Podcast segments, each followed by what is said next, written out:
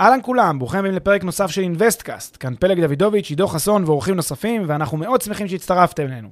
הפרק בחסות Rentpo, פלטפורמת השקעות חכמות בנדל"ן עם האנשים שמאחורי Investcast. Rentpo מאפשרת לכם להשקיע בשקיפות וביעילות בנכסים מניבים, תוך ליווי וניהול מוקפד ומקצועי מקצה לקצה. היכנסו ל-rentpo.com, חפשו השקעה שמעניינת אתכם ותאמו איתנו פגישה דיגיטלית. בנוסף, לפני שנתחיל, נזמין אתכם להצטרף לקהילת המאזינים של Investcast בפייסבוק. חפשו Investcast בשורת החיפוש והצטרפו לקהילה. ועכשיו לפרק נוסף של Investcast.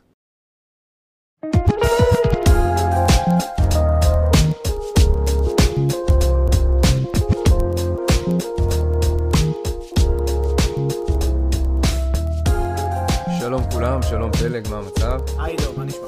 מצוין. אה, קודם כל, אנחנו אה, רצינו לעדכן אתכם שבהמשך לפניות אה, והצעות של כמה מאזינים שלנו, פתחנו קבוצה ייעודית בפייסבוק לטובת הפודקאסט. אנחנו מזמינים אתכם להצטרף אליה, הקבוצה נקראת Investcast, פודקאסט השקעות, נדל"ן, כלכלה ומימון. אתם יכולים לחפש Investcast בשורת חיפוש בפייסבוק ותגיעו אלינו. היום אנחנו רוצים לדבר על שלושה עקרונות בסיסיים, שגם ההבנה בהם ההבנה שלהם למעשה, וגם הדבקות בהם היא הכרחית לכל מי שנכנס לעולם ההשקעות, בין אם מדובר ביזם ובין אם מדובר במשקיע. אה, ואנחנו ננסה להעביר אה, אותם בצורה ברורה ומפורטת באופן יחסי, ככה שכל מי ששוקל להיכנס להשקעה או להרים מיזם יוכל אה, להיות במודעות מלאה אליהם ולהבין איפה כדאי לו לעמוד ביחס לכל אחד מהם.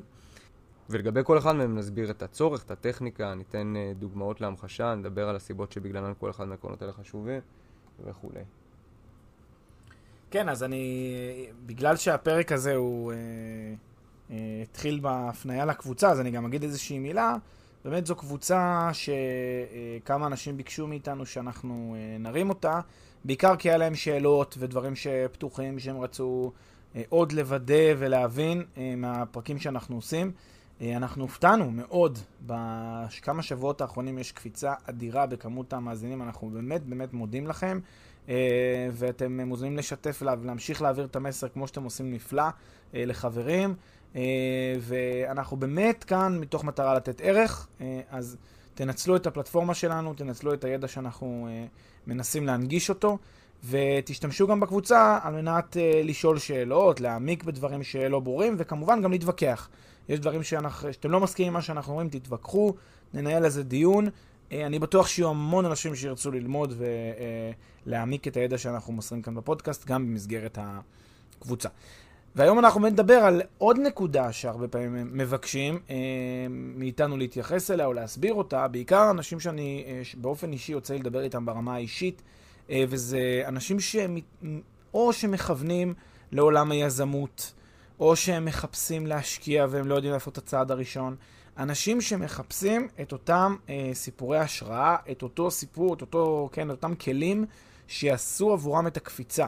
וזה אנשים ממש אה, רגילים שביום שלהם כל אחד יש לו את העולם עיסוק שלו ואת הפעילות שהוא עושה אותה, ומשהו ב, ב, בתהליך היומיומי השגרתי שלו אה, כל הזמן אה, שואב אותו ל, לאותה מציאות שהוא נמצא בה, ומונע ממנו את האפשרות אה, לצאת החוצה ולעשות את הפעולות הראשוניות שכל כך חשובות. אה, הם אותם, ומה שנדבר עליהם היום זה אותם שלושה אה, עקרונות שאנחנו חושבים שהם עקרונות הבסיס, והם לא בסיסיים בכלל. תתפלאו, גם אנשים שאני מדבר איתם שהם יזמים ומתעסקים כמה שנים, כשאני אה, משתף אותם בעקרונות האלה, גם הם מוצאים הרבה ערך בזה, והם אומרים, תשמע, למדתי המון מה, מהשיחה או, מה, או מה, מה, מהטיפים שנתת לי, אז אני חושב שזה דבר שכדאי באמת להאזין אליו וללמוד ממנו. אז נתחיל, עידו? נתחיל.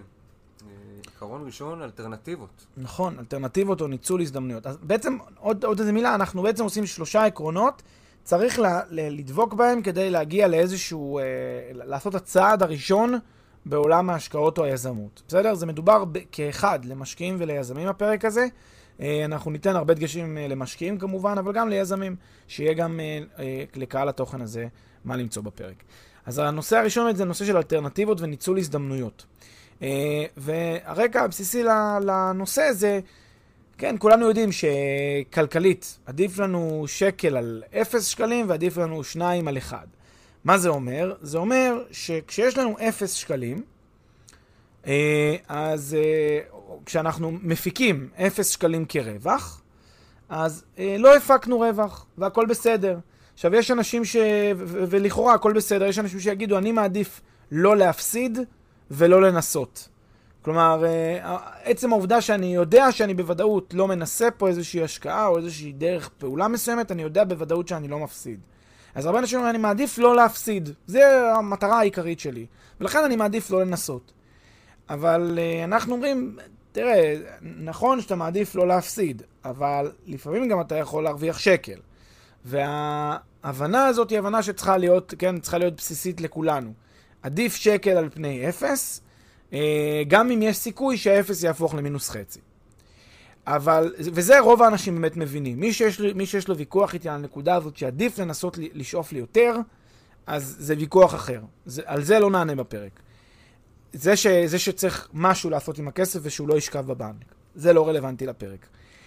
מה שכן רלוונטי לפרק זה ההבנה הזאת שכדי להגיע למצב שבו אני עושה קצת יותר על מה שיש לי, אז אני צריך לחפש אלטרנטיבות.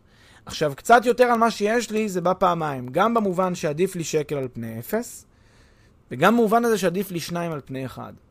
הרבה אנשים אומרים, אני מרוויח כבר מהשקעה. אני מרוויח, נניח את ה-2,000-3,000 שקל הכנסה בחודש. אז זהו, מה, עכשיו אני מרים ידיים ונהנה מההכנסה הזאת. הם לא מבינים שחיפוש אלטרנטיבות הוא תהליך תמידי. ותכף אני אסביר את הנושא של הדינמיות. אבל המטרה שלנו היא בעצם להמחיש שכשאתם לא הולכים לאלטרנטיבה האופטימלית, זאת שנותנת לכם כמה שיותר, כן, בהתחשב מכל מיני, בכל מיני היבטים, אתם למעשה מפסידים ערך. אתם מפסידים ערך. כי אלטרנטיבה, מי שמבין את המונח אלטרנטיבה, מובן, מבין שכסף שאתה לא אה, מפיק אותו, כסף שכן, שנמצא על הרצפה ואתה לא מרים אותו, זה כסף שהפסדת. זה לא כסף שלא הרווחת. כי בכישורים שלך, ביכולות שלך להרוויח אותו אם תעשה איזושהי פעולה מסוימת. פעולה לא מורכבת לצורך העניין. אז כסף שאתה לא, לא שואף אליו, לא חותר אליו, זה כסף שהפסדת. ולכן אני לא מציע לאנשים להסתפק באחד, אלא תמיד לשאוף לשתיים, שוב, בהנחה שהשתיים והאחד הם שווים מבחינת המאפיינים שלהם. ותכף נסביר מה, מה זה אומר, המשפט האחרון. אז המטרה שלנו היא בעצם להבין שכסף אנחנו צריכים אה, לשאוף ליותר, תמיד על פני פחות, וזה טריוויאלי. שכסף שאנחנו לא מרוויחים אותו זה כסף שצריך להסתכל עליו כאילו הפסדנו אותו, ולא כאילו, לא, לא, לא רק כאילו לא הרווחנו. ודבר נוסף שצריך להבין זה שהכסף שלנו הוא משאב, הוא נכס שיכול לייצר לנו כסף בעצמו. אם יש לי כסף היום, הכסף הזה יכול לשחק עבורי ולתת לי עוד כסף. מה שנקרא כסף קונה כסף. אמ, עכשיו, כחוט השני צריך לעבור בפרק הזה של אלטרנטיבות וניצול הזדמנויות, ההבחנה בין אלטרנטיבה אמיתית לבין שינוי קריטריונים. כשאני אומר אלטרנטיבה, אני מדבר תמיד על אותו base, על אותו בסיס, אותו בסיס רעיוני. זה אותו קריטריון. נניח אני מדבר בשניהם על נדל"ן מניב. נניח בשניהם אני מדבר על, אה, תוק, על תיק אה, מניות בשוק ההון. אלה שתי אלטרנטיבות שוות ערך. אני לא משווה בין אג"ח למניות, או בין נדל"ן יזמי לנדל"ן מניב בתור אלטרנטיבה. הן לא אלטרנטיבות אחת לשנייה. כל אחת מהן זה, זה עולם ומלואו, עולם אחר. והרבה אנשים אומרים, כן, אני מפיק, באפיק השקעה, יש לי דירה נניח ב, ב, בדרום, שמניבה לי 3.5% הכנסה לשנה, או 4% אה, אה, תשואה הכנסה לשנה, ואני אשווה את זה לעסקה יזמית בצפון. שיש לי בה 11% תשואה. לא, זה שני דברים שונים. זה לא אלטרנטיבי לזה. זה אלטרנטיבי רק אם החלטתי שאני גם משנה את הפרופיל שלי כמשקיע. וזה, כן, עולם אחר, זה פרק אחר לגמרי. זה לא הפרק, זה לא הפרק של הקריטריונים, של, ה, של האלטרנטיבות. זה פרק של קריטריונים. לכן אני צריך להבין שכשאני מדבר על אלטרנטיבות, זה תמיד אלטרנטיבות עם אותו base, עם אותו בסיס של קריטריונים.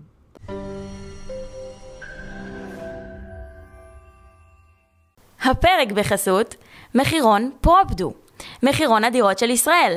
מחירון הדירות המקיף והמתקדם בישראל, המאפשר לכם לגלות בלחיצת כפתור מהו המחיר של הנכס. והכל בחינם. חפשו בגוגל מחירון פרופדו או מחירון הדירות של ישראל.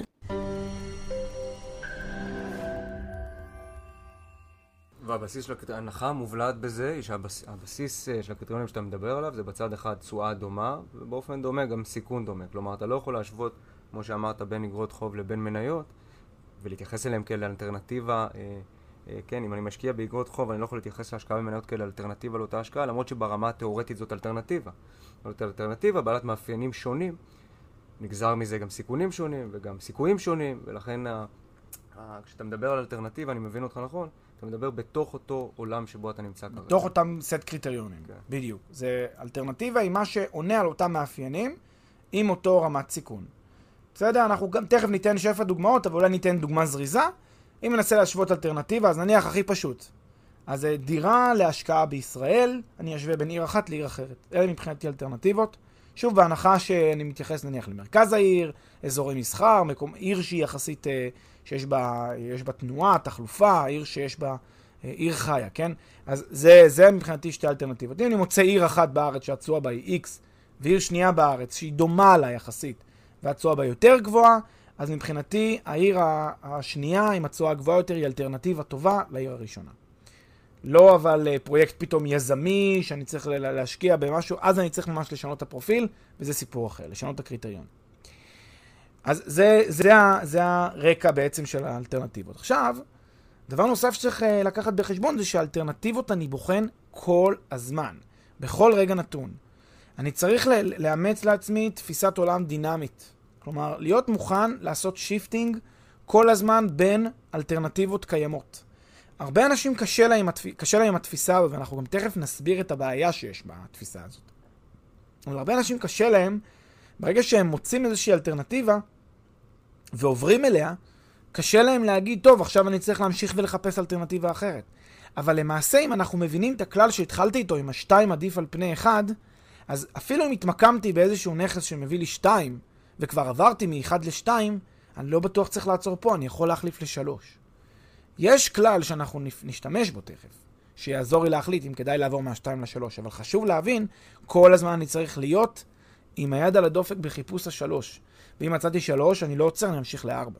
כלומר, כל הזמן אני דינמי, כל הזמן אני בוחן אונליין את האלטרנטיבות שלי, וזז ביניהם מאחת לשנייה, כשהמטרה שלי כל הזמן היא לשפר את מה שאני עושה. כסף שאני לא מרוויח זה כסף שהפסדתי. בסדר? זה תפיסת העולם. אז הדינמיות הזאת היא דינמיות חשובה. עכשיו, היא חשובה גם במעברים בין אה, פלוס לפלוס, כמו שאמרתי קודם, בין 2 ל-3, והיא גם כמובן, כמובן רלוונטית בין מינוס לפלוס. לפעמים יש פרויקטים שאני נמצא בהם שהם הפסדיים. כן, נכנסתי לפרויקט, הוא הפסדי, אז אני מיד חייב למצוא אלטרנטיבה, לשים את הכסף, אני יכול להנזיל את ההשקעה, נניח זה נכס, אני רק מפסיד עליו, משלם עליו כסף, לא מוצא שוכרים, יש לי בעיות. צריך מהר מאוד להנזיל את ההשקעה הזאת, למכור את הנכס, לעבור לנכס הבא. בלי אמוציות, בלי רגשות. בסדר? הדינמיות הזאת היא חלק הכרחי בעולם האלטרנטיבות. אני חייב לאמץ תפיסת עולם ואורח חיים דינמי במובן ההשקעתי שלי, אה, ועל זה אני, וככה אני עובר.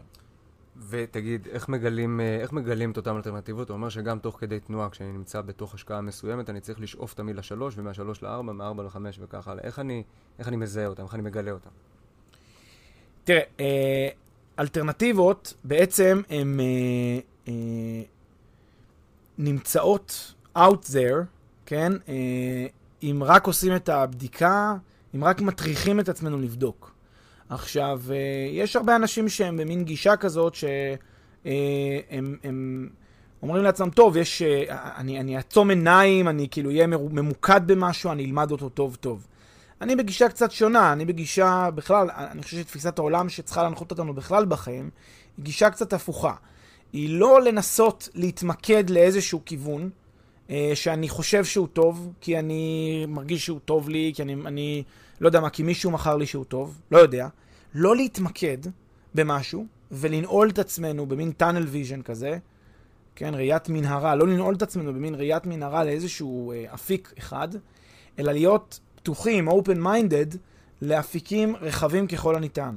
זה כולל אפיקים, זה כולל שווקים, זה כולל תחומים.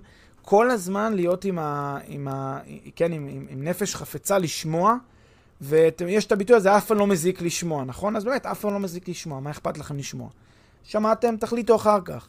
אבל uh, במובן הזה, אף הצעה שאתם נתקלים בה, אתם לא צריכים לפסול אותה על הסף, עוד לפני ששמעתם אותה. תשמעו, תחליטו לא מתאים, זה ניחא. אז אני חושב שלגלות את האלטרנטיבות זה לא הפעולה הקשה. כלומר, אפשר, אה, אם רק אה, זה עניין של החלטה, אה, וזה רק עניין של מוכנות להיות פתוחים וקשובים, לא להתקבע, למשל, יש טעות שהרבה אנשים עושים, מתקבעים על מדינות. באים אנשים, משוחחים נניח איתנו, ולנו יש גישה להרבה מדינות. אומרים, אני מתעקש דווקא על המדינה הזאת. עכשיו, לנו זה לא משנה ברמה האישית, אבל אנחנו שואלים, למה דווקא המדינה הזאת? אני שואל, למה דווקא שם?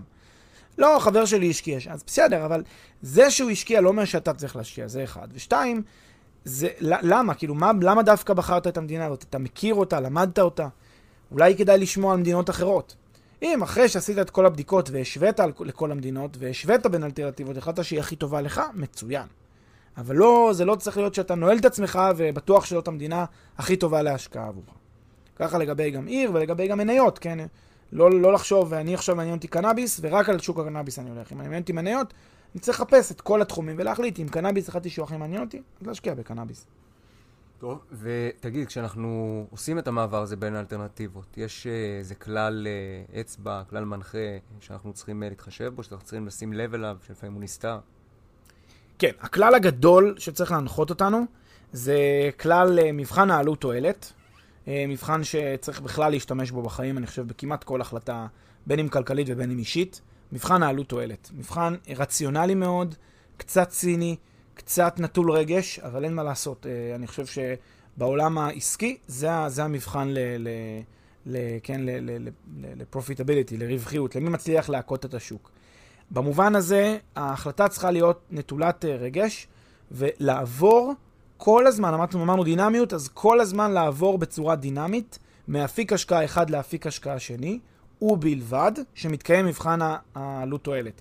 שהתועלת מהמעבר, כלומר נניח שיפור התשואה או שיפור ההכנסה שלי בעקבות המעבר הזה, גדולה מעלויות המעבר. מהעלות שכרוכה במעבר.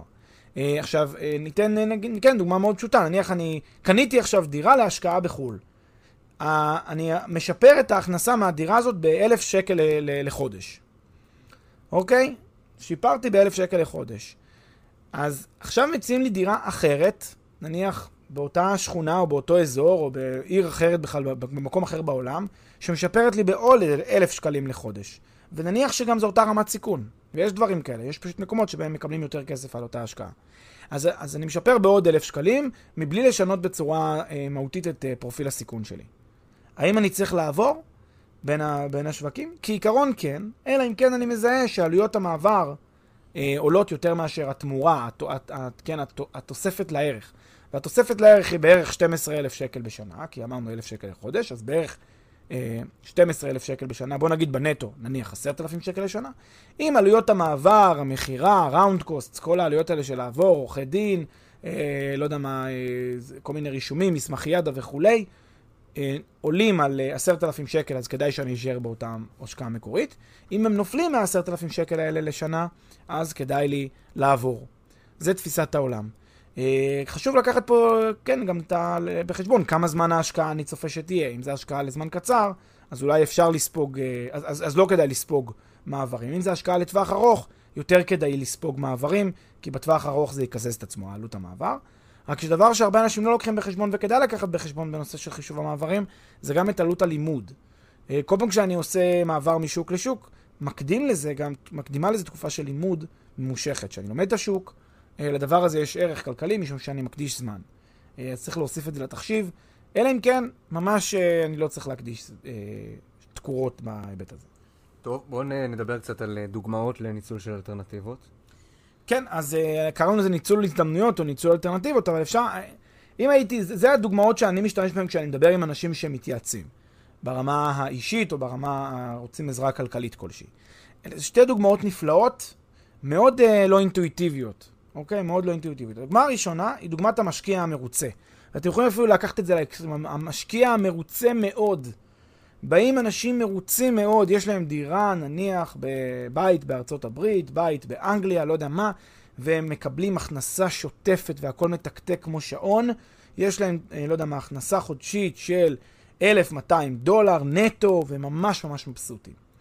ואז אני אה, קצת צועל איתם לפרטים, ואז אני שואל אותם, אוקיי, וכמה שווה הנכס, מה המחיר שלו וכולי, ואני מגלה שנניח המחיר שלו הוא כזה שמשקף תשואה בנטו של נניח 2% לשנה.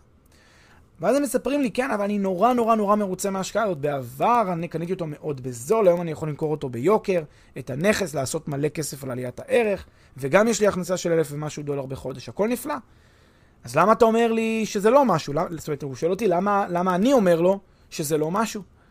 ואז אני עונה, כי שניים, שניים, שניים וחצי אחוז תשואה, כפי ששוויו של הנכס כיום, זה לא משהו שאתה צריך uh, לשמוח כל כך ממנו. אתה יכול את הנכס הזה למכור as is, להיפגש עם הערך המנופח שיש לו, שעשית יפה, על ההשקעה, ולהשקיע את הכסף הזה באפיק הכנסה שבו התשואה שלך גבוהה יותר. ואז לא תעשה 1,200 דולר לחודש, תעשה 3,000 דולר לחודש, פי שלוש. כי התשואה לא תהיה 2%, תהיה 6%. לא עדיף לך את אותה, את אותו קרן שיש לך היום שמושקעת בדירה ההיא או בבית או בארצות הברית, למכור ולהשקיע עכשיו במקום שמניב לך 6% לשנה ולקבל 3,000 דולר לחודש, נשמע לי הרבה יותר תקין, הרבה יותר איכותי. אז uh, במובן הזה, הוא פתאום כזה תופס את הראש ואומר, באמת יש בזה משהו. זה המשמעות של אלטרנטיבות. כלומר, ולהיות דינמי. לא צריך, זה שנראה לי שאני היום מבסוט מהשקעה, לא אומר שאני צריך לנתק את הראש ל, אה, להשקעות אלטרנטיביות שקיימות. כל זמן שאני יכול להגדיל את ההכנסה שלי ולאסוף את הכסף, אני צריך, אחרת אני מפסיד. אז זו הדוגמה הראשונה. הדוגמה השנייה מאוד דומה לזה, אבל היא אפילו פחות אינטואיטיבית והרבה יותר מזעזעת אנשים. היא, כי אפילו אנשים אה, משתגעים ממנה לפעמים, מהדוגמה הזאת. אבל היא נכונה, היא המציאות. הבעלים שגר בנכס, קחו דירה שיש בבעלותכם. אתם גרים בבית בבעלותכם. הרבה אנשים לא מבינים את זה, כי זה לא אינטואיטיבי להם. אבל אני עכשיו, ואני באמת לא רוצה להיכנס פה לוויכוח הפסיכולוגי שנלווה. דירה בבעלות לעומת דירה בשכירות, לא נכנס לזה בכלל. בואו נשאיר את זה בצד. מי שלא מתאים לו אז שיתעלם ממה שאני אומר, מבחינה פסיכולוגית. אני מדבר על החשיבה הרציונלית. אנשים שגרים בבית שבבעלותם, מה הם בעצם עושים? הם שוכרים דירה. גם אם הם יתעלמו מזה, הם שוכרים דירה. ממי? מעצמם. איך אני יודע? הם משלמים לעצמם את שירותי הדיור. כי הדירה שלהם, כש, כשהיא שלהם, אם הם היו משכירים אותה, ונניח הם היו מקבלים עליה 5,000 שקל בחודש לצורך העניין, אז הם כאילו לוקחים 5,000 שקל בחודש, מוציאים מכיס אחד ומעבירים לכיס אחר. העובדה שהם גרים בדירה הזאת בעצמם, אומרת שמישהו אחר לא גר בדירה שלהם ולא משלם להם 5,000 שקל בחודש. זה המשמעות. ולכן זה, כשאתה גר בדירה שהיא דירה שלך, אתה בעצם מוותר על הכנסה של 5,000 שקל בחודש, ואתה גם מוותר על הוצאה, כן? זה די טבעי, אתה גם מוותר על הוצאה של 5,000 שקל בחודש, שזו הוצאת שכר דירה. עכשיו בואו נעשה תרגיל מחשבתי. נניח שיכולת לשלם 5,000 שקל בחודש הוצאה, שכר דירה, אבל לקבל הכנסה של 12,000 שקל בחודש. לא שווה? יש לך פה ארביטראז' דלתא של 7,000 שקל. ואיך תעשה את זה? כן, למשל, למשל, הרעיון המהפכני הבא, תמכור את הדירה של בעלותך, תשכור דירה זהה, אפילו ת, תמכור אותה ותשכור אותה ממי שאתה מוכר לו. תשכור אותה ממנו ב-5,000 שקל, תשלם את ה-5,000 שקל, תמשיך לגור שם, ואת אותם כסף שהרווחת מהמכירה, תשקיע אותם במקום אחר, בחו"ל, נניח, או בארץ, איפה שאתה יכול להפיק תשואה כזאת, ותקבל הכנסה של 12,000 שקל בחודש. הנה האלטרנטיבה לכסף שלך. במקום לקבור את הכסף בדירה שאתה גר בה, בכל רגע נתון אתה יכול למכור את הדירה הזאת, לשכור את אותה דירה, או דירה דומה לה, ואת ה, את הכסף של הדירה להשקיע בנכס בחו"ל, או בארץ, או מה, או מה שלא יהיה במניות, לעשות תשואה גבוהה יותר, ולקבל את הדלתא, וליהנות מהדלתא. הנה שיפרת לעצמך את רמת החיים ב-7,000 שקל בחודש בקלות. בקלות. ועכשיו מתחיל הוויכוח הפסיכולוגי. כן, אבל זה לא דירה שלי, אבל אני שוכר דירה, אבל... זה זה כבר צריכים לשאול, לעשות את החישוב. כן שווה לי את ה-7,000 שקל בחודש, לא שווה לי. אבל הנה דוגמה קלה לאיך אפשר לשפר את הרמת חיים שלכם בצורה מדהימה, אם רק אה, מבינים את ניצול האלטרנטיבות. עכשיו, עצם העובדה שאנחנו מדברים על, אה, על אה, כאילו, עצם העובדה שצריך בכלל לדבר על ניצול של אלטרנטיבות, ושזה לא דבר מובן אה, מאליו, או לפחות לא לכולם, אה, כן, יש בזה הנחה מובלעת שיש איזה אתגרים ביישום של זה. לגמרי. אז מה, ומה, בואו בוא נדבר באמת על מה עוצר מבעד אנשים אה, להחליף את ההשקעה שלהם בהשקעה אלטרנטיבית. כן, אני חושב שיש אה, שלושה הסברים טובים. ההסבר הראשון זה נושא של אה, קיבעון ופחד משינויים. אה, הרבה מאוד אנשים מטבעם, אני חושב שרוב האנשים מטבעם הם אה, אה, מקובעים אה, והם פוחדים משינויים. יש מין, יש מין סטטוס קוו, יש מין מה שמכונה ברירת מחדל, שהיא בדרך כלל שולטת. תמיד זה, זה מפתיע אותי שאנשים, אם הייתי, אם יש מציאות מסוימת שהיא ברירת המחדל, אז אנשים אומרים לעצמם, לא, זה ככה, אבל זה המצב, זה המציאות. אז אני שואל, דמיינו שהמציאות הייתה שונה. דמיינו שלא היה נהוג, כמו בישראל, להיות, לגור בדירה שאתה הבעלים שלה. היה נהוג לגור בדירה אחרת. האם לא היה כדאי לך לעבור דירה? האם לא היה כדאי לך לשכור דירה? יכול להיות שכן. אבל יש פה איזה מין קיבעון כזה שנוצר, ופחד משינויים שמאוד מנטרל את יכולת החשיבה הרציונלית. אז זה הדבר הראשון שהוא מהווה אתגר ביישום של, ה, אה, של, הדינ, של הדינמיות הזו ושל האלטרנטיבות. האתגר השני ביישום זה הביטוי הרכב מנצח לא מחליפים, כן? יש הרבה אנשים שאומרים, כמו שאמרתי קודם, הדוגמה על הדירה בחו"ל, יש לי נכס בחו"ל, הוא מניב יפה, למה אני צריך להחליף? למה לי? אה, כאילו, זה, זה עובד טוב. אם זה עובד טוב, למה לשנות את מה שעובד טוב? זה גם מתכתב כמובן לקיבעון והפחד משינוי, אבל זה גם מין כזה, מין תפיסה כזאת שאומרת, אה, אה, הכל מתקתק, הכל עובד, אז, אה, אז בסדר, אז הכל עובד. אני, אני, למה, למה, למה לעשות מזל נאחס? למה, למה לשנות את המזל? למה לשנות את מה שעובד? הרכב מנצח לא מחליפים כזה. אז אני לא מאמין בזה. אני חושב שהרכב מנצח יש הרבה הרכבים מנצחים, ואפשר להגיע להרבה דרכים לנצח, ואתה צריך בסוף לספור כמה שיותר כסף. אז למה, למה לא להחליף? אם משהו, אתה יכול למצוא פתרון שהוא טוב יותר, למה לא לעשות אותו? והאתגר השלישי שהרבה אנשים מתמודדים איתו, זה אלה שמה שאני מכנה אותם, מסתפקים במועט. הם לא באמת מסתפקים במועט, זה ככה הם מגדירים את עצמם כשאתה שואל אותם. אז הם אומרים לעצמם, כן, מה זה חשוב, עוד אלף שקל, עוד אה, שש מאות שקל לחודש, לא מאוד חשוב. רק הכאב ראש שבלעבור, אתם מכירים? רק את הכאב ראש שבלעבור לא יצדיק. אז אני אומר, בסדר, אז אם יש כאב ראש וזה לא כלכלי, אז תראה לי למה בחישוב זה לא כלכלי לך לעבור.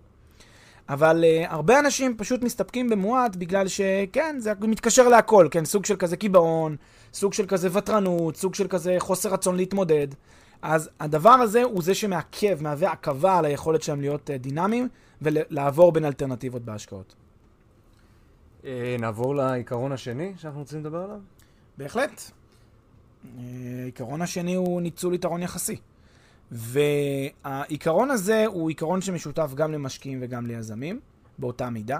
אני חושב שהוא קצת יותר מתאים ליזמים, אבל יש גם למשקיעים הרבה מה ללמוד ממנו.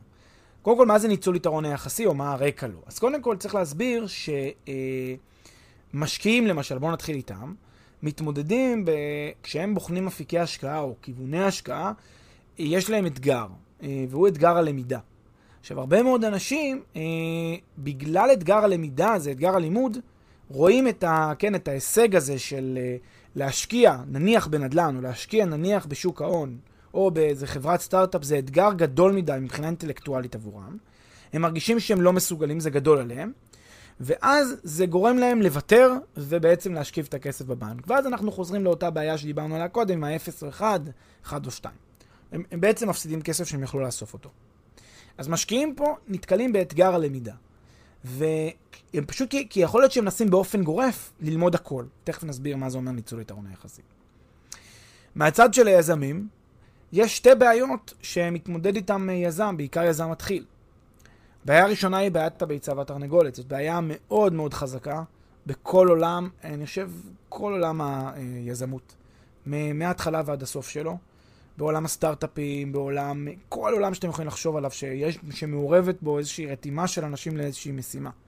זאת בעיית הביצה והתרנגולת. כשאתה מנסה לרתום אנשים לאיזשהו מיזם, בין אם זה מיזם נדל"ן, בין אם זה מיזם סטארט-אפ, בין אם זה כל דבר, כשאתה מנסה לרתום אותם לאיזשהו מיזם, לפני שאתה הראת להם את ההיתכנות שלו ואת הערך האמיתי שהוא מייצר, אתה חייב אה, לגייס אותם. אבל כדי לגייס אותם, הם צריכים להשתכנע שהוא באמת, יש לו התכנות והוא מייצר. הדוגמה הכי פשוטה, לכו לבנק ותבקשו מבנק כסף כדי שיממן לכם מיזם. מה הבנק יגיד? תראה לי הכנסות. למה, למה הוא מבקש הכנסות? כי הוא רוצה לדעת שכשהוא שם את הכסף, זה לא קרן הצבי, שהוא יודע שיש לו ממה להיפרע. אבל זה אבסורד במובן מסוים, כי הוא מבקש הכנסות כתנאי לתת לי הלוואה, מימון, כשמה נועד המימון? ליצור לי ערך שבאמצעותו אני אוכל ליצור הכנסות. מה יקרה אחרי שיהיו לי הכנסות? כן, פתאום כשיהיו לי הכנסות, לא בטוח שאני כבר כל כך אצטרך את הבנק. כלומר, זה, זה אולי המשהו המצחיק פה של הביצה והתרנגולת. אני תלוי בבנק כדי שייתן לי כסף, או בכלל במשקיע שייתן לי כסף, כדי שאני אדע לייצר הכנסות, אבל המשקיע לא ייתן לי כסף בגלל שעדיין אין לי הכנסות. יש פה משהו שהוא קצת בעייתי, וזה אתגר מאוד גדול. האתגר השני שמאפיין יזמים, זה מה שאני מכנה אותו אתגר הלקוח הראשון. קיים קושי אדיר, וזה לאו דווקא הלקוח הראשון, זה יכול להיות גם המאה לקוחות הראשונים. קיים קושי אדיר אה, אה, להגיע ללקוחות הראשונים שלך ולעשות את הקפיצה מקבוצת הלקוחות הראשונים לצמיחה האקספוננציאלית שכולם חולמים עליה. הקושי האדיר הזה הוא אתגר שרק מעטים מצליחים לצלוח אותו. ה, כן, ה, ה, המחסום הזה שצריך לעבור אותו הוא כל כך קשה, שרוב הסט, המיזמים, רוב הסטארט-אפים, רוב החברות שמתעסקות בנדל"ן, בכל מקום, נופלות רק בשלב הזה של יצירת base הלקוחות שירים אותם קדימה. אז אלה שני האתגרים שמאפיינים רק יזמים, ויש גם אתגרים שמאפיינים גם יזמים וגם משקיעים כאחד. אז uh, רוב השחקנים, נגיד, ההקשר של הידע, כן? אתגר ש... זה אתגרים כאמור ש, שנועדו, ל, ל, ש, ש, שבגללם אנחנו מחפשים את, ה, את היתרון היחסי, שצריך לנצל אותו. Uh, ותכף נסביר מהו.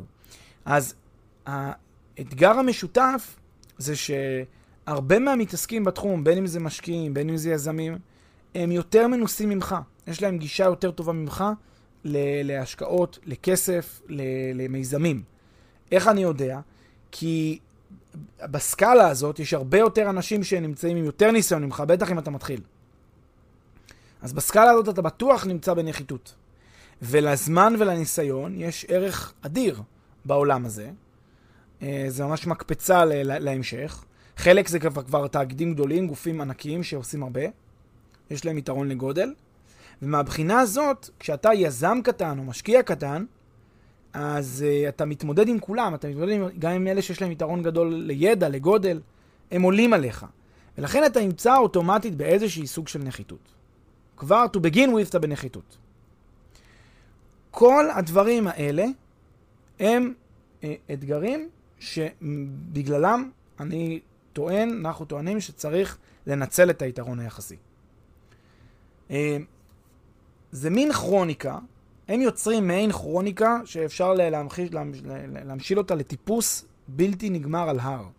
אתה כל הזמן מטפס על איזשהו הר כדי להגיע לאיזושהי פסגה מיוחלת, ואתה כל הזמן מנסה עוד קצת ועוד קצת ועוד קצת.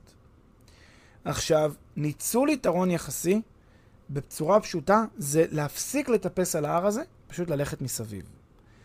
אוקיי? זה לעשות דרך שהיא כאילו קיצור דרך. אבל היא קיצור דרך לך. כל אחד יש לו את המסביב של ההר של עצמו. לא כולם ילכו מסביב באותו צד של ההר. כל אחד ילך, ימצא את הדרכים שלו, אחד ילך, ילך דרך ההר בתוך איזה מנהרה שהוא יסלול, אחד ילך מצד ימין, אחד מצד שמאל, אבל אתה מפסיק לטפס.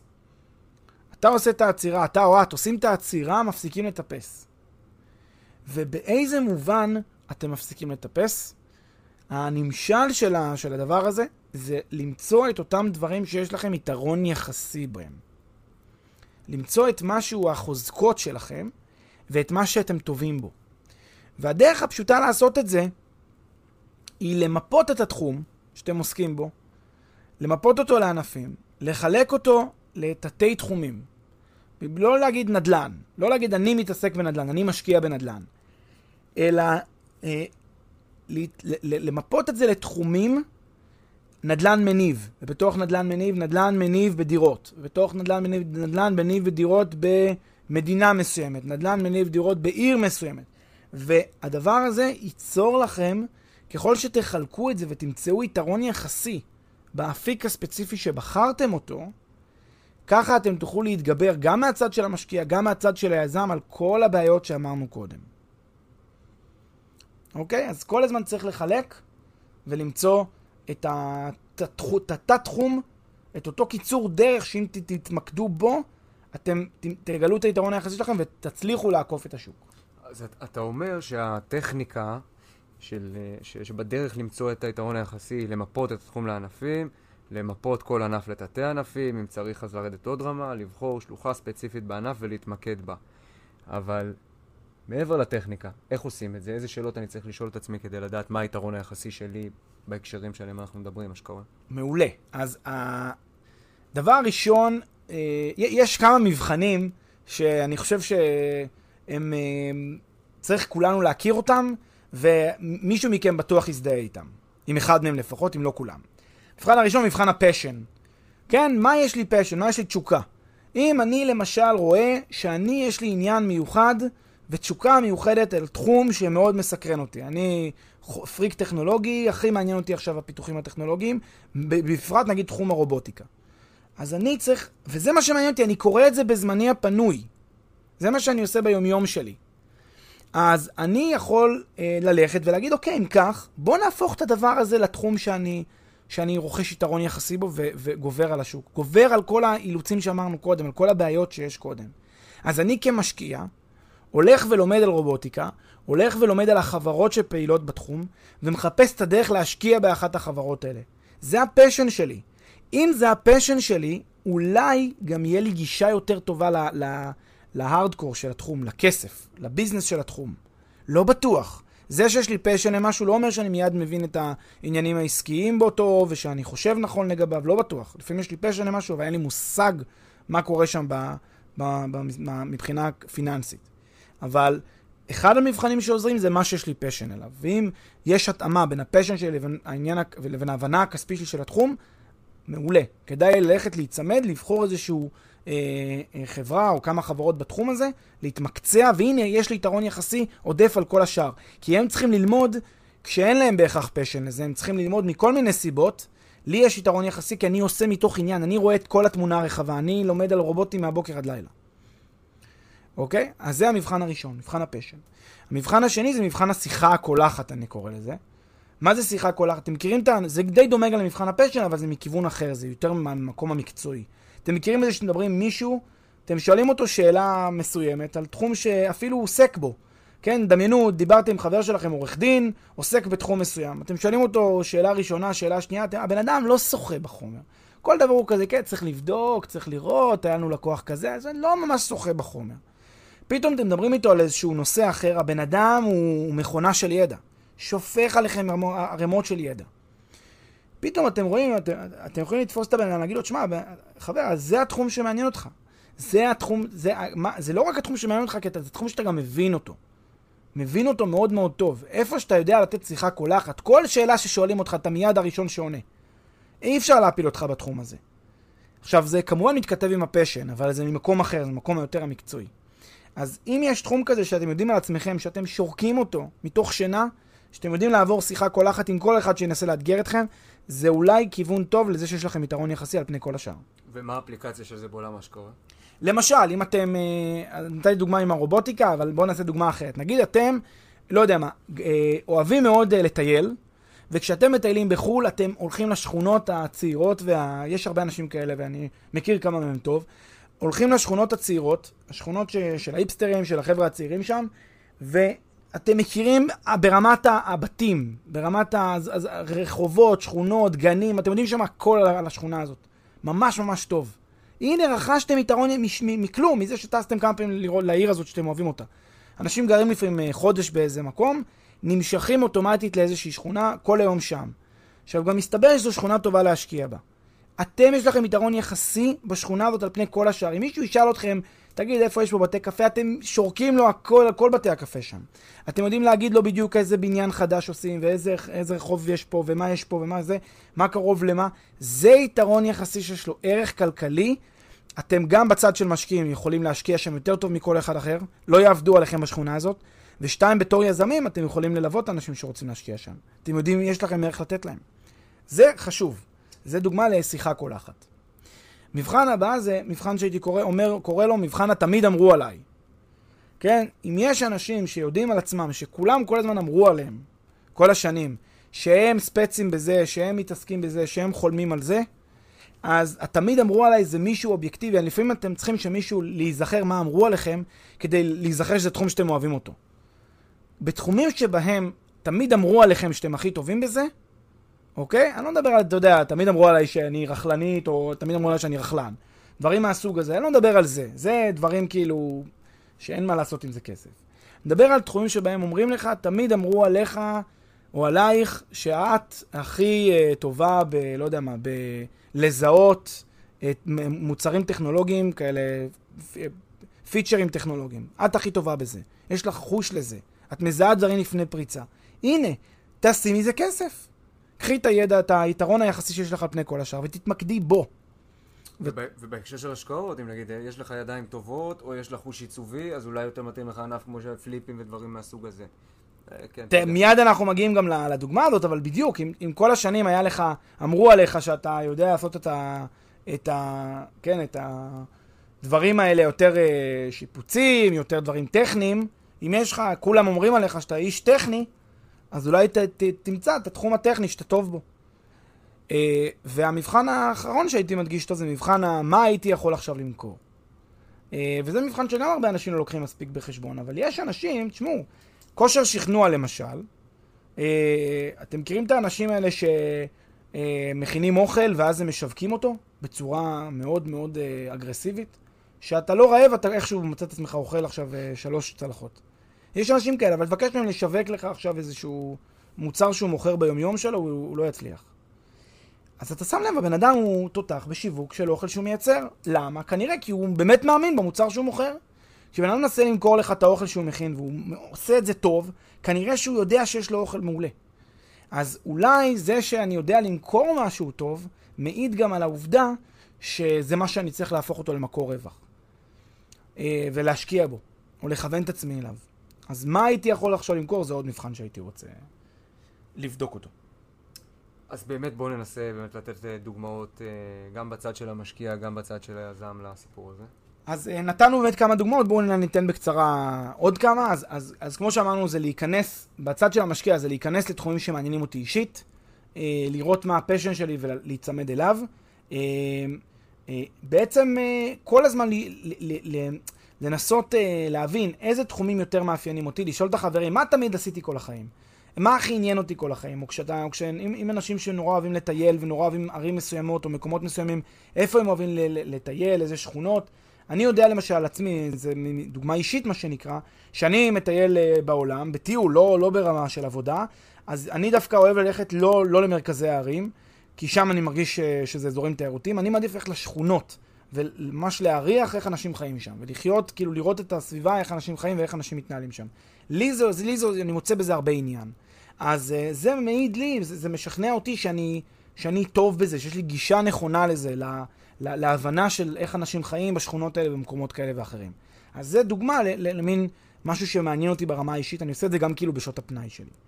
זה בצד של משקיע. בצד של יזם, אה, אז כמו שאמרת קודם, עידו, הנושא של שיפוצניק, בן אדם שכל השנים שיפץ דברים ותיקן דברים בבית כבר מגיל שבע, הוא החליף אה, את החדר שינה של ההורים שלו, אז בן אדם כזה, תן לו לעשות פרויקט אה, שבו הוא אה, משקיע פסיבי כזה מרחוק, או לא יודע מה, הוא יועץ, אני חושב שהוא ירגיש כבול.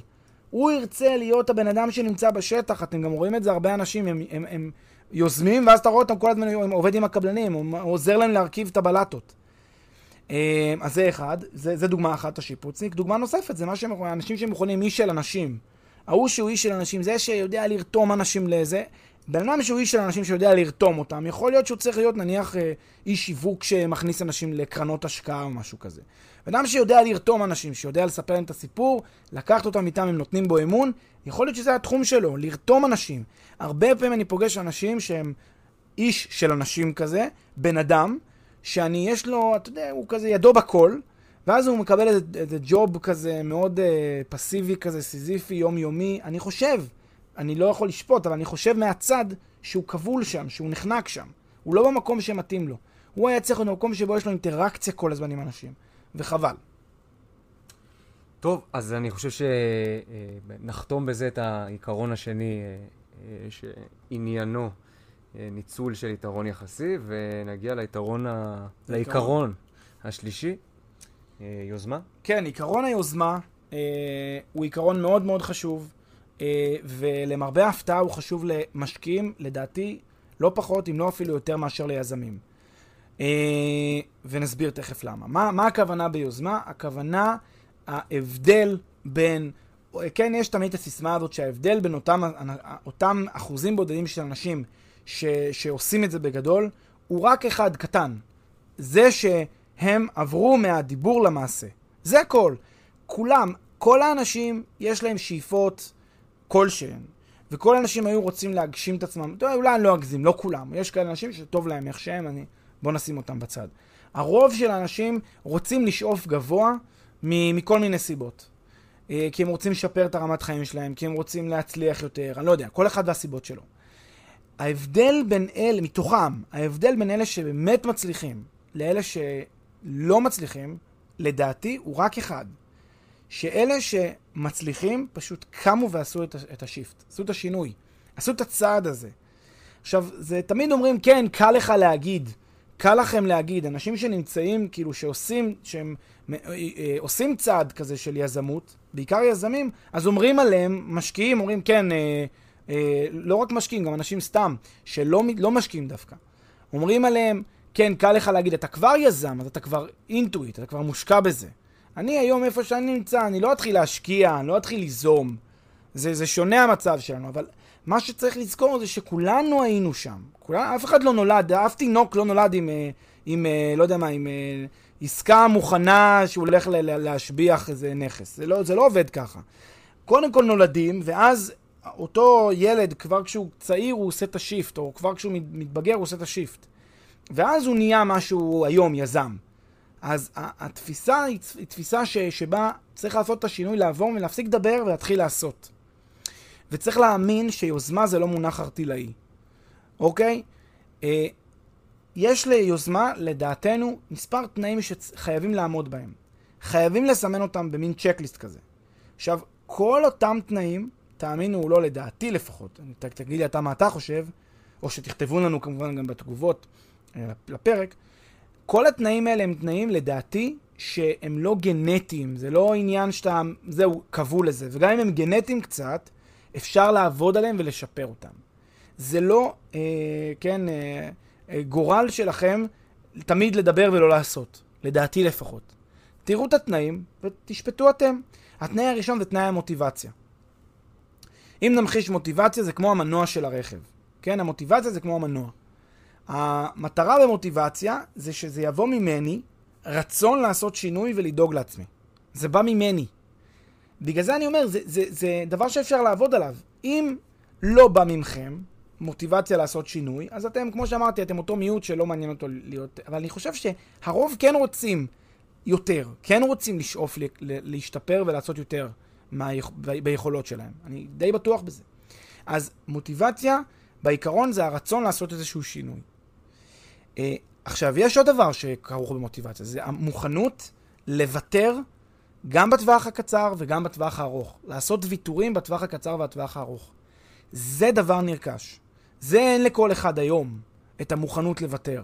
כולם אוהבים, כולם אוהבים talk to talk, מה שנקרא. אני, כן, אני מוכן לוותר. כשזה מגיע הרגע לעשות את הפעולה, כן, את ההעברה הכספית בחשבון הבנק, אנשים לא עושים את זה.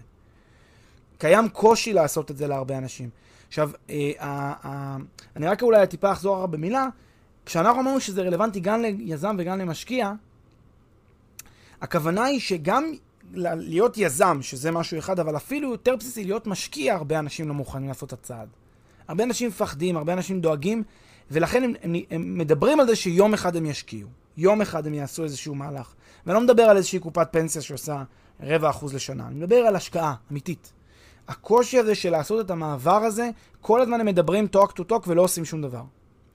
עכשיו, מה, מהבחינה הזאת, זה, זה אותם התנאים שאמרנו כדי לעשות את הצעד הזה. וכשאתה מדבר על ויתורים בטווח הקצר, אתה מתכוון, אה, למה, כדי להעביר את הכסף ל... אה, לצורך העניין, להכניס, לתקוע אותו באיזושהי השקעה, לוותר בטווח הקצר על הרווחה, כדי לקבל איזה רווחה עודפת בעתיד, אבל ברור שאתה צריך לוותר על איזה רווחה עכשיו. בדיוק. אז בטווח הקצר, הרווחה שאני מוותר עליה זה עצם זה שיש לי פחות 100 אלף דולר בבנק. שהיה לי מאוד כיף uh, להתרפק על חשבון הבנק ולראות אותם יושבים שם. Uh, בתור uh, יזם, ויזמים מכירים את זה, יש לך כסף בחשבון, זה טעות. יזם חי עם זה שכמעט אף פעם אין לו כסף בחשבון. שהעו"ש שלו על אפס. יזם שיש לו כסף בעו"ש, כל הזמן מוציא אותו. אין לנו התרפקות ליזמים על כסף. אז, ו- ודווקא משקיעים פסיביים, אנשים שנמצאים לפני ההשקעה, רק מתרפקים, נהנים לפתוח את החשבון, לראות שם כמה... זה נותן להם רווחה, שקט כזה, ביטחון. המוכנות לוותר זה על, על זה, על אחד הדברים האלה. זה על העובדה שזה פוגע לכם ברווחה, התחושה הזאת שאתם נכנסים ורואים שאתם, אוי ואבוי, יש לי שם מעט כסף. ומה יקרה ומה יקרה. זה המוכנות לוותר בטווח הקצר. זה גם מוכנות לוותר בטווח הארוך, כי צריך לומר את האמת. לא כל השקעה מצליחה. ואתם צריכים להיות מוכנים למקרה שההשקעה שלכם לא תישא פרי. וויתרתם על, על כסף. זה מוכנות שצריך לעבור אותה. וזה חייב להיות חלק מהמוטיבציה שלכם. והדבר השלישי שחשוב תחת מוטיבציה זה ההתגברות על חסמים. יש המון חסמים בלעשות הצעד הזה. לא סתם אה, אנשים, אה, רק, רק מעטים עוברים מהדיבור למעשה. החסמים הם מה שעושים, אבל צריך להבין, זה חסמים פסיכולוגיים. זה חסמים בנפש. זה לא חסמים אמיתיים, זה לא פיזי, מישהו כובל את ידיי. זה לא רציונלי, זה פסיכולוגי. ואני גם נורא מאמין, כשמדובר על דברים פסיכולוגיים, אני נורא מאמין בזה, בדיוק כמו שאני קם, אז אני לא הולך ועושה נודניק. בדיוק כמו שאני, יש הרבה דברים שאני חושב שאפשר להטמיע גם מהדברים הקטנים היומיומיים שלנו. בדיוק כמו שיש מטלות לעשות, אז אני מתחיל מהמטלה הכי קשה ומשאיר, ועושה את זה מדורג. הכי קשה, ואז יורד להכי קל. כי אני, התפיסת עולם שלי, ואני חושב שהיא נכונה גם לכולם, לעשות את הדבר הקשה. לעשות אותו. לא לחשוב, על אוטומט. ואז לחשוב. אחרי שעשיתם את הקשה, אתם כבר במצב שכבר, הנה, יש לכם סטטוס קוו חדש. זוכרים את הסטטוס קוו מתחילת הפרק? ברירת המחדל, הנה, קיבלתם מצב, קיבלתם סטטוס קוו חדש. אתם שם. אז להתגבר על חסמים פסיכולוגיים, לדעתי, לפעמים זה לקבוע עובדה קיימת, להיות שם, ואז לחשוב מה עשיתם. זה אחד הדברים שעוזרים אה, בהיבט של המוטיבציה. זה היה שיעור מזורז בפסיכולוגיה ביאביוריסטית. אולי, אולי. אני, אני לא, לא, לא יודע כלום בפסיכולוגיה, אבל לפחות במובן הזה אני חושב שאלה טיפים שעוזרים לי, אני מיישם אותם. זה הנושא של מוטיבציה והמנוע. אחר כך אני צריך לדבר על הנושא של התעוזה והאומץ, שמבחינתנו זה כמו המצת ברכב. כן, לא מספיק רק מנוע, גם צריך את המצת. כל התנאים האלה שאנחנו מדברים, כל המרכיבי אישיות האלה, הם מרכיבי אישיות מצטברים. כולם הם תנאים אחד עם השני. תעוזה ואומץ זה תנאי. מה זה תעוזה, תעוזה ואומץ? זה המוכנות שלכם להפסיד. אין דבר כזה להיכנס להשקעה בלי מוכנות להפסיד. ולא, לא יעזור. אם uh, תגידו, כן, הבטיחו X, הבטיחו Y, הבטיחו Z. לא משנה אם יש לכם, לדעתכם, את מי לכעוס, למי להתלונן, למי... כל עוד אין לכם מוכנות אמיתית להפסיד את מה ששמתם, ולא נפרדתם מהכסף הזה ברגע שיוצא לכם מהחשבון בנק, אתם לא תעשו את הקפיצה של אה, יוזמה, של, של היוזמה הזאת. אתם לא תעשו את הקפיצה הזאת. אתם תישארו בה לדבר. רק מי שמוכן להפסיד, יהיה גם מוכן להרוויח. זה המצת, זה מה שעוזר להתנעה יחד עם המנוע. הדבר הבא שדרוש ליוזמה זה דבקות במטרה. זה מה שנקרא הרגל על הגז. הנעתם, יופי. עכשיו צריך דבקות במטרה. דבקות במטרה זה אתם צריכים להאמין בזה שהמטרה היא חשובה יותר מהתוצאה. עצם העובדה שאתם יוזמים, פרצתם את תקרת הזכוכית של עצמכם והתחלתם ליזום, זה כבר רווח נקי שלכם, גם אם התוצאה תהיה מאכזבת בסוף. רק מי שיהיה מוכן לדבוק במטרה, ידע גם לקטוף רווחים בסוף. אתם מבינים? זאת אומרת, זה, זה, זה לא הוקוס פוקוס שמספיק רק להניע ואז מגיעה התוצאה. צריך גם לדבוק במטרה, לפעמים יש קשיים בדרך, לפעמים לא הכל טריוויאלי. רק אם תמשיכו לדבוק באותה מטרה, אתם תצליחו להגיע לתוצאה המיוחדת. גם אם, הד... גם אם בדרך אתם רואים שאתם הולכים להפסיד. גם אם בדרך יש לכם איזה שהם קשיים. ולצד הדבקות במטרה, כן, לצד הרגל על הגז, אנחנו צריכים להיות עם מוכנות לבלום גם. וזה הנושא של מודעות וחשיבה ביקורתית. כל הזמן לנתח את עצמכם. כל הזמן להיות מודע למה שאתם עושים. אה, לדהור, כן, אבל לא לדהור ב, עם, עם, עם כיסוי עיניים. לדהור לכיוון מטרה מסוימת, אבל כל הזמן להיות עם עיניים פקוחות. להבין, האם הסיבה שאני רואה קשיים, האם זה קושי שהוא באמת קושי שאני אה, אני צריך לשבור את הכלים, או שזה קושי שאני יכול להתגבר עליו, ואני צריך להתגבר עליו כדי להגיע לתוצאה המיוחדת. אז מודעות וחשיבה ביקורתית, או המוכנות לבלום, הוא הדבר הרביעי. אז אם אני אחזור רגע לתנאים, אז המנוע שלנו זה המוטיבציה, המצת זה התעוזה והאומץ, כן, זה הכל כזה קלישאתי, אבל אנחנו מאוד מאמינים בזה. המצת זה התעוזה והאומץ, הרגל על הגז, כן, היכולת שלנו ללחוץ ולהמשיך לדהור, זה הדבקות במטרה, והמוכנות כל הזמן לבלום, שהרגל מוכנה לבלום, זה המודעות והחשיבה הביקורתית אה, לקראת התוצאה. ואני חושב שעם הסיום, ה... כלומר, שהנקודה האחרונה שנגעת בה, אה, דיברת על יוזמה, יכול להיות שזה למעשה העיקרון הבסיסי ביותר אה, שצריך אה, להיות קיים גם אצל יזמים וגם אצל משקיעים, אם יש להם כוונה להצליח במה שהם עושים. בעצם מין סדר הפוך כזה, יוזמה ואלטרנטיבות וניצול של יתרון יחסי, באמת עקרונות יסודיים והכרחיים. בהשקעות וביזמות בכלל. בהחלט. טוב, תודה רבה פלג. תודה עידו.